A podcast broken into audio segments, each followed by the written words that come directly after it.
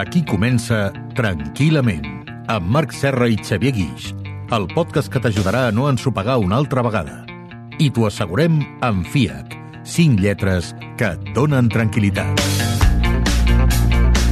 Bon dia, bona tarda, bona nit. La psicologia i més concretament la musicoteràpia ja fa anys que estudien la relació entre el nostre comportament o el nostre estat d'ànim i la música. L'any 2016 un grup de psicòlegs va fer una llista de 30 cançons pensades per escapar de la rutina. Temes musicals que ens ajudessin a oblidar, per bé o per mal, el nostre dia a dia. I la primera va ser aquesta.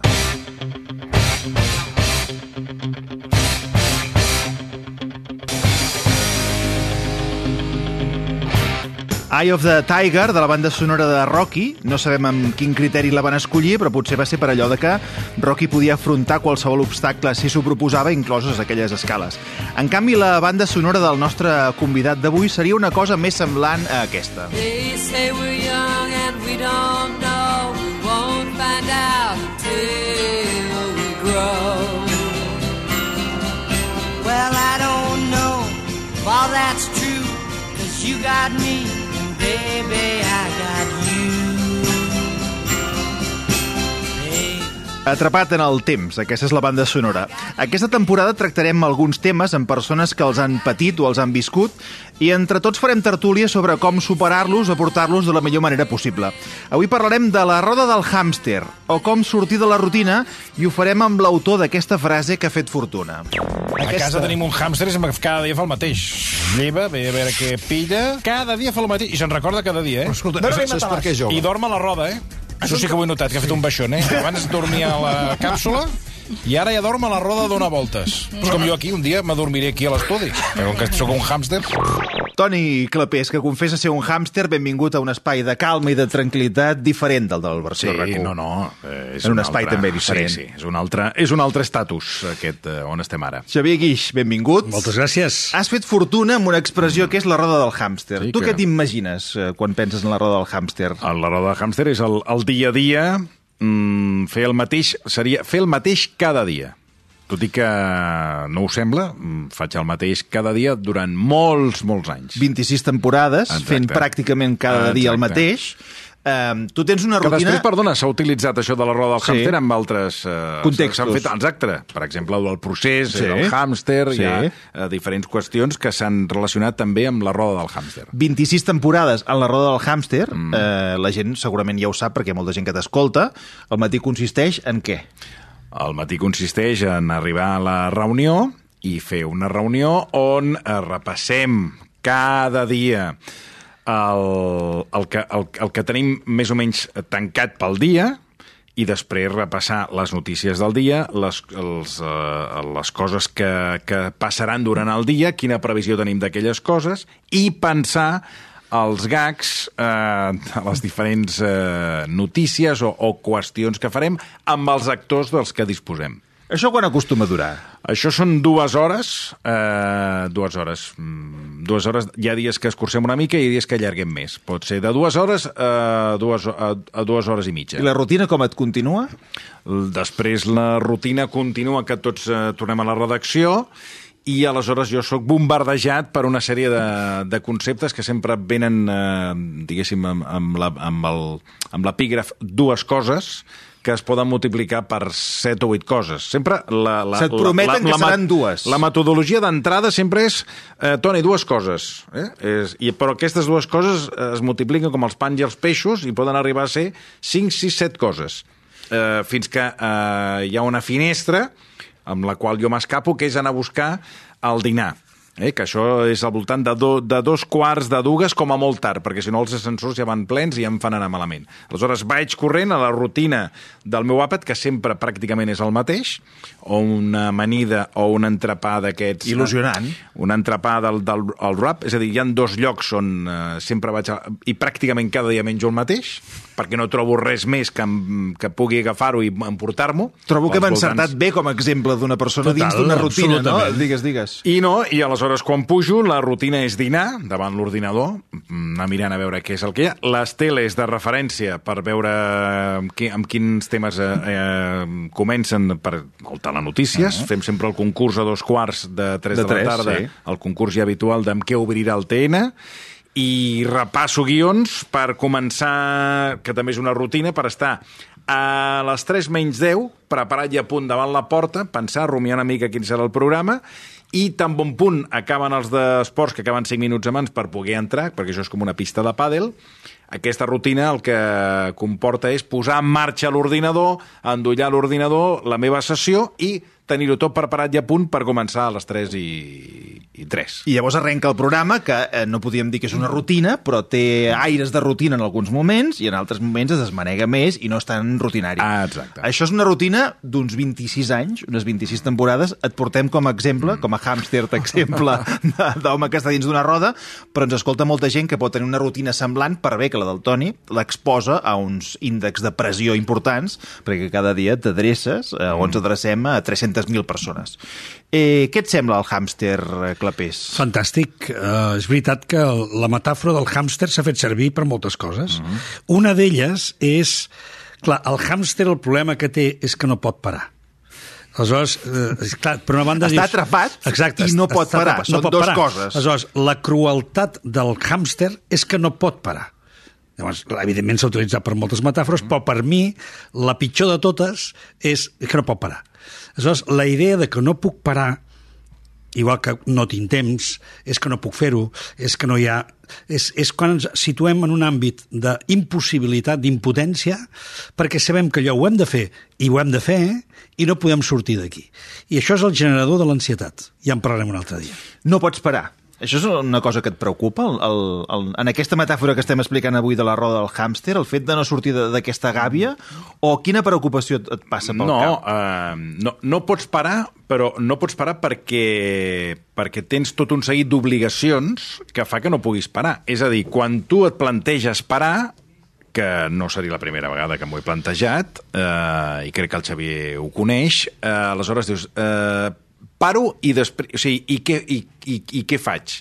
Però a banda del que faig, com... Eh, és a dir, com em finançaré les despeses que tinc generades? És a dir, com pagaré la hipoteca? A dia d'avui, com pagaré la, la, la, la hipoteca del meu pis? Com pagaré el pis dels meus pares? Perquè eh, ara mateix doncs, eh, pago una part important del pis dels meus pares. Eh, els meus pares viuen d'una pensió i no poden pagar el pis, a banda de altres despeses. Com finançaré els estudis de la meva filla? És a dir, tots aquest finançament, o tu tens, o has guanyat molts diners i, i aleshores pares i te la jugues i dius, mira, doncs ara jo me la jugo i a veure què és el que m'ofereixen i a veure què arriba i ho faig. Però si no, eh, per raons, una d'elles econòmica, és eh, el seguir. La segona raó és, i què faig? I si el que faig dura tres mesos? Te'n vas a la televisió, que te'n vas, és a dir, que no te'n vas perquè no m'arriba, o sigui, perquè no arriba ni m'arriba cap oferta, no? Eh, però sempre és aquest plantejament de, que et fas tu la pel·lícula de, bueno, ara aniré a fer tele, ara em trucaran d'una altra emissora, però i si és molt pitjor el que, el, que, el que assumiré o el que vindrà del que estic fent? I això fa que tu assumeixis la rutina aquesta del hàmster com, és el que diu el, el Xavier, no pots sortir d'aquesta rutina. Primer per una qüestió econòmica, però segona, a nivell professional, a, a, o sigui, un projecte com el Versió, què el pot millorar? I després quines ofertes tens? Perquè al final mm, les ofertes són fum. Escolta, t'agradaria, i quan comences a entrar en matèria, te n'adones que les ofertes són en peus de, flanc, de, de fang, és a dir, no tenen una, una, una solidesa, la proposta és a vegades, eh, en fi, mm, doncs poc sòlida, i, i segons amb quin mitjà te l'estàs jugant perquè és molt possible que o sigui poc solvent o aquell projecte no tingui una llarga durada, no? Amb el que tu estàs explicant, has de tenir un truc, sí o sí, després de 26 anys de- d'estar de, dins d'aquesta gàbia del hàmster, perquè el cap no et peti, perquè mentalment, a més a més, tu tens l'obligació d'estar fresc cada dia de, de 3 a 7. A- Amb quins marges jugues? Que, que, quines trampes et fas a tu mateix per estar més fresc? Per, per no pensar quan et lleves el dilluns, hòstia, una altra vegada, tot això... Bueno, jo, jo diguéssim que amb, amb, amb el treball de, del psicòleg, perquè he, he, tard o d'hora he, he tingut que anar al psicòleg, al final apliques la filosofia del dia a dia. I crec que és molt important aplicar el dia a dia. I en aquest dia, a banda de la feina, intentes pensar amb el dia, amb el que faràs de, de, en el programa aquell dia, i buscar altres al·licients que diferencin el dia d'altres dies. Anem a aquests al·licients, si és el que m'interessa. Mm. En què penses? Doncs per ara jo... Eh... Però, però busques al·licients dins la teva pròpia feina o els busques a fora? És a dir, el que et motiva del dia està dins del propi programa, de la rutina del programa, o penses en què faràs a partir No, de les 7? em pot motivar, em pot motivar una, una secció amb un col·laborador, em pot motivar un sketch o un gag que penso amb un col·laborador, i em pot motivar, per exemple, una, una qüestió que tothom coneix, que doncs, el dijous vaig a jugar a tennis, o em pot motivar doncs, que me'n vaig al teatre amb la meva dona a veure un espectacle, o em pot motivar que he quedat amb un amic que fa molts anys que no veig. No? Per tant, el teu truc és la motivació dins del dia. Dins del dia. No, no m'agrada, que això és una qüestió que alguns membres del meu equip no acaben d'entendre, que em, em projectin, que és una, una falera que tenen, d'anar eh, projectant i, sobretot, omplint eh, calendari. No? La setmana que ve vindrà aquest, la setmana que ve l'altra, d'aquí dues setmanes tindrem això, d'aquí tres, i fins Perquè i tot a fa- vegades els guionistes pretenen com ha passat avui, que pensem uns gags de divendres. Dius, no, si és que... Eh, Això fa la gàbia, la, fa la gàbia més grossa i la roda va més ràpid. Clar, o sigui, jo, o sigui, clar, aleshores ja estàs, no només t'ocupes del dia, sinó que t'ocupes no només de demà, sinó que ja t'estan ocupant la teva vida la setmana vinent i l'altra, i d'aquí tres setmanes ja has d'anar a veure aquest espectacle perquè anem de parlar, i aquell llibre, i aleshores és, la, és com una tormenta perfecta. El llibre, l'obra de teatre, la pel·lícula, el documental, la sèrie que has de veure per la plana. És a dir, clar, al final dius, bueno, i el meu temps? Què? Quin és el meu temps? Uh, avui hem portat el Toni d'exemple, però el que estàs explicant tu pot servir a molta altra gent que també té una gàbia, una gàbia del hàmster. Potser no s'exposa cada dia a 300.000 persones, però potser ha d'entregar un, un moble. Sí. Perquè no, no? Un fuster Clar. que ens està escoltant. Clar. O potser s'ha d'entregar un informe, o potser és un professor que ha de preparar uns exàmens o el que sigui. Però, ara hi aniré, però abans, el que deia el Toni, la motivació en el dia, eh, compres aquest, Absolutament. aquest truc, Absolutament. la motivació en el dia que toca. Absolutament, o sigui, perquè... Dilluns per dilluns. És que, si no, és una trampa. Perquè la programació és com anticipar una, una estranya alegria que em penso que tindré quan arribi el moment, perquè, és clar, com que ara no n'estic, ara no n'estic, vull projectar-me, o oh, ara n'estic, però vull continuar estant-ho demà. Aleshores, són projeccions que quan arriba el moment normalment em portes decepcions, frustracions, perquè no acaba de ser com t'imaginaves, no és exactament com havies previst. En canvi, quan tota la atenció està centrada en el moment, és quan la ment està més oberta, és quan tu pots veure els detalls, és quan pots entrar en veure les petites diferències dintre de l'hàbit. Mm. Per tant, és això el que recomanem. En canvi, si hi ha molta projecció, és evident que el ser humà és projectiu, és expectant, vivim la vida endavant i no enrere, i per tant, sempre pensem una mica endavant. És obvi. Però que això només sigui per fer una planificació, que sigui només per veure grans, grans línies de treball, però el dia a dia és on hem de trobar realment allò que ens estimuli, allò que ens faci que ara mateix, ara i aquí, em pugui sentir feliç de fer el que faig. I fixa que llavors el Toni ha dit una cosa molt important. Cadascú es posa els seus límits. Jo vull pagar una hipoteca, o dues, o tinc una sèrie d'obligacions que, recordem, les he acceptat. És a dir, són obligacions triades. També podia no haver-ho fet. Però, sigui pel que sigui, pel motiu que sigui, jo he decidit fer això, fer allò altre, fer allò altre, i això en aquest moment m'està condicionant la meva vida. Cap problema. Tu has triat aquests condicionaments, almenys aprèn a viure'ls bé. Viu amb il·lusió allò que ens, et sembla que s'ha convertit en una Però al obligació. Toni no li fa il·lusió pagar el que hagi de pagar, eh? No, jo, Eh, Viure jo no. amb il·lusió, jo, jo sí, crec però que hi ha coses cosa, que no, jo eh? crec que ha dit una cosa al Xavier que, eh, que és certa, que és, ell, ell diu cap problema. Bueno, no, el que passa que quan t'hi trobes atrapat amb, amb, la, amb la roda del hàmster, dius ara com, com, com m'escapo de pagar la hipoteca, mm. la, els estudis de la meva filla, és a dir, mm. aquest, es genera aquest vertigen de com ho tallo, això. No? I això, eh, això, des del meu punt de vista, és molt difícil. El Xavier sempre et dona eines perquè li donguis voltes i, i, i, i ho pensis. Però hi ha gent més valenta, eh, hi ha gent que, que és allò que vol sortir del, del, del, allò que se'n diu del, de l'estat de confort, no? De la zona és- de confort. De la zona de confort, i hi ha gent que no. I jo, doncs, soc dels... eh, Jo sempre ho he dit, sóc un cagat en moltes coses, sóc conservador en Conservador, moltes coses, conservador. i aleshores penso, home, abans de fotre't en segons què, abans de fer el següent pas, doncs, hosti, i, i, i pensa tu bé, perquè, clar, eh, després hi ha una altra cosa aquí. Clar, aquí, per exemple, a rac mm. a mi m'ofereixen fer, primer en 3 hores de ràdio, i ara me n'ofereixen fer 4. Eh, i a vegades, quan vols deixar el programa, que en moltes ocasions he volgut deixar-lo, per cansament, per tal, hi ha un moment que penso, al final, tu ara, és a dir, re, eh, deixo el versió, val, i aniré a buscar eh, altres hores de ràdio, que aquestes hores de ràdio seran dues hores o tres hores, però també les hauràs d'omplir amb contingut, que la il·lusió serà un nou programa de ràdio, però acabaràs fent dos o tres hores de ràdio amb una altra franja horària, començant un nou projecte, però el, quan la que portis un mes estaràs, si fa no fa, les mateixes. Aleshores, a la reflexió, que no sé si és una trampa, li pregunto al Xavier, que em faig jo mateix, és dir, escolta, doncs, aprofitant aquest, aquest terreny que tens tu, on, on vas abonant cada any les cols, les patates, m'ho prenc com un, com un terreny... un hort. Com un hort, eh? Doncs, cony, canvia de plantació. Aquest any, en lloc de fer eh, eh, enciams, tomàquets i cols, doncs mira, aquest any farem... Eh, mira, plantarem uns arbres fruiters eh, i posarem eh, doncs, verdu, eh, mongeta tendra i posarem cebes. Però això és un truc que es fa ell No. o, o ho veus eh, una bona estratègia? No, no, no. És que mm, quan parlem d'aquest tema, fixa't que el món se'ns dividirà de seguida en dos grans blocs els que els agrada canviar de rutina contínuament i els que són conservadors i volen mantenir la rutina sempre. Per tant, no es tracta que aquí decidim què és el bo, ni decidim què funciona millor, perquè amb uns els hi funciona una cosa i als altres els funciona una altra. Què vol dir? Cadascú ja té un tarannà respecte a com vol viure aquestes coses. I cadascú ja té la seva experiència. I aquesta experiència et portarà a que siguis més conservador, menys conservador, que siguis conservador fins a un cert punt, que arribi un dia que diguis ja en tinc prou. És a dir, la pròpia experiència i el propi funcionament de la vida et portarà que hagis de trencar hàbits o rutines o que, en canvi, hagis de fer-te amb les que tens perquè et donen estabilitat i seguretat.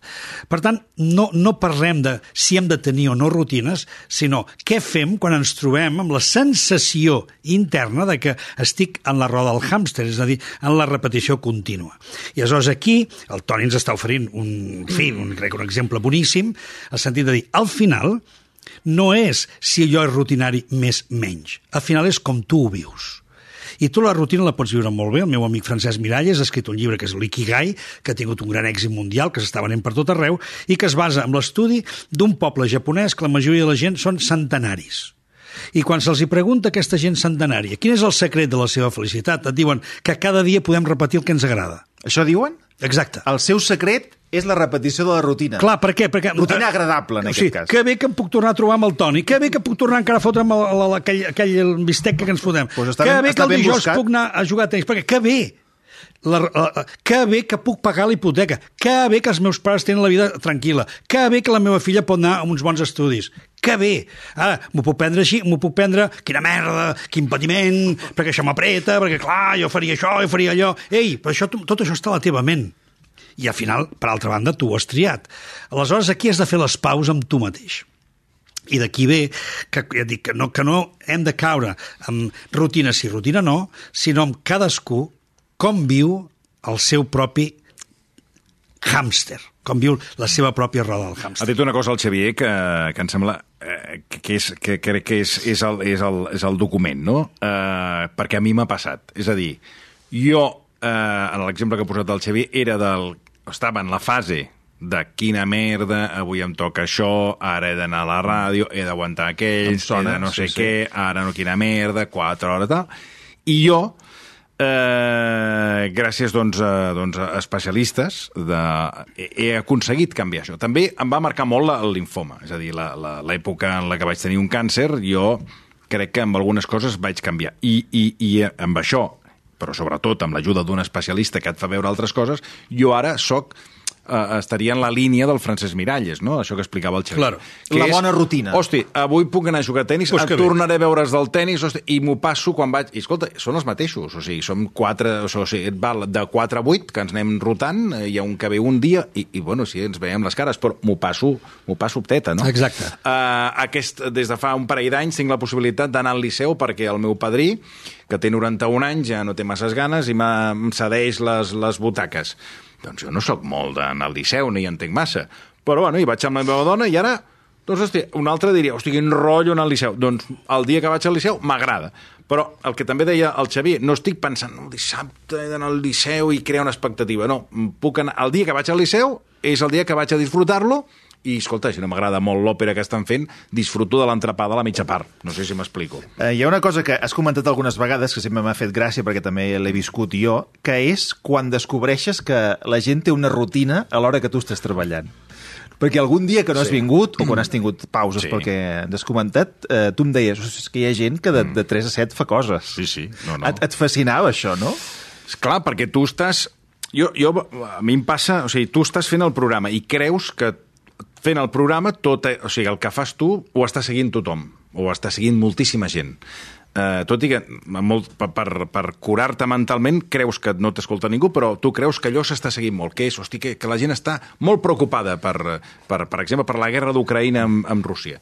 I surts a la tarda i te n'adones que hi ha moltíssima gent, milers i milers de persones que ni escolten el programa, ni els hi preocupa la guerra, sinó que el que estan fent és doncs, fer un xocolat amb xurros, que estan disfrutant de la tarda, que Tu em deies, hi ha gent passejant pels museus. Gent passejant pels museus, gent fotent-se un mojito i, i gent fins i tot, doncs, no sé, jugant a pàdel o el que els hi dóna la gana, eh, doncs a les 3, 4, 5 de la tarda, gent entrant als hotels, eh, fent, eh, doncs, eh, fotent un polvo a aquella hora, Sí. els veus sortir, entrar, i hi ha un món que dius, hòstia, tot aquest món se m'escapa. I aquí sí que, a vegades, penso, hòstia, se m'està escapant la vida, no? Eh, jo treballant en aquest hàmster del que parlàvem de cada dia aquí, produint, produint, produint, i penso, potser hi ha gent que s'ho munta molt millor i que menys, eh, doncs, no sé, tenen potser altres rutines o altres històries i disfruten més del dia a dia, no?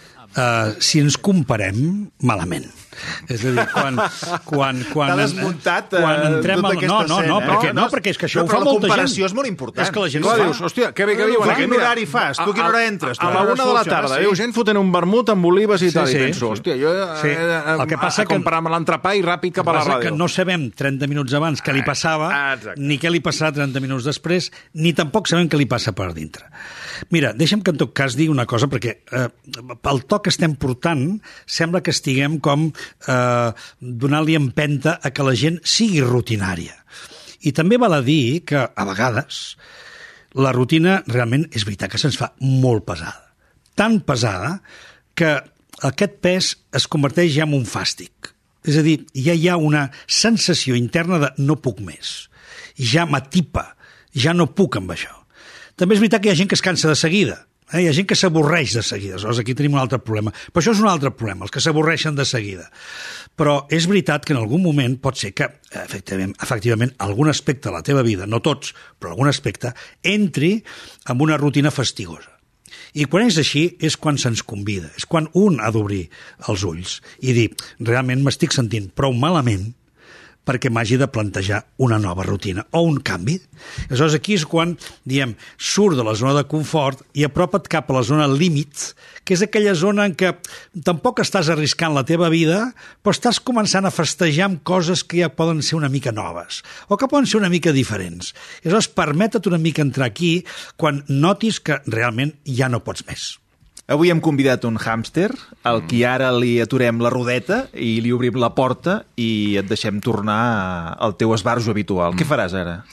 Doncs avui, eh, teòricament, hem d'anar uns quants a menjar alguna cosa Sí. i després anem a veure, que em fa molta il·lusió, Veus? el Guillem Estadella, al Teatre Aquitània. Eh, ja el vaig anar a veure una vegada i avui doncs estic convidat. Mira, m'ho he pres com... Avui per mi l'al·licient del dia És aquest. era aquest, Clar. era anar a veure el, el Guillem Estadella. I que és diferent. I que és diferent, i que, bueno, i a més em fa doble il·lusió perquè ve la meva filla eh, i anem els dos a veure el Guillem Estadella, cosa que no passa pràcticament mai que vingui, que vingui amb mi. I per aquesta tant, avui és un doble al·licient. Exacte, i això és una cosa que ens ajudarà a concloure, que és, a vegades, no cal plantejar-se tant canviar d'hàbits o de rutines, sinó més aviat que aquelles coses que t'agraden i que disfrutes, les incorporis una mica més a la teva vida. Perquè lo millor, si resulta que m'agrada anar al teatre, m'agrada sortir a fer esport, potser és que en faig molt poc. I només que incrementi això, la vida ja canvia.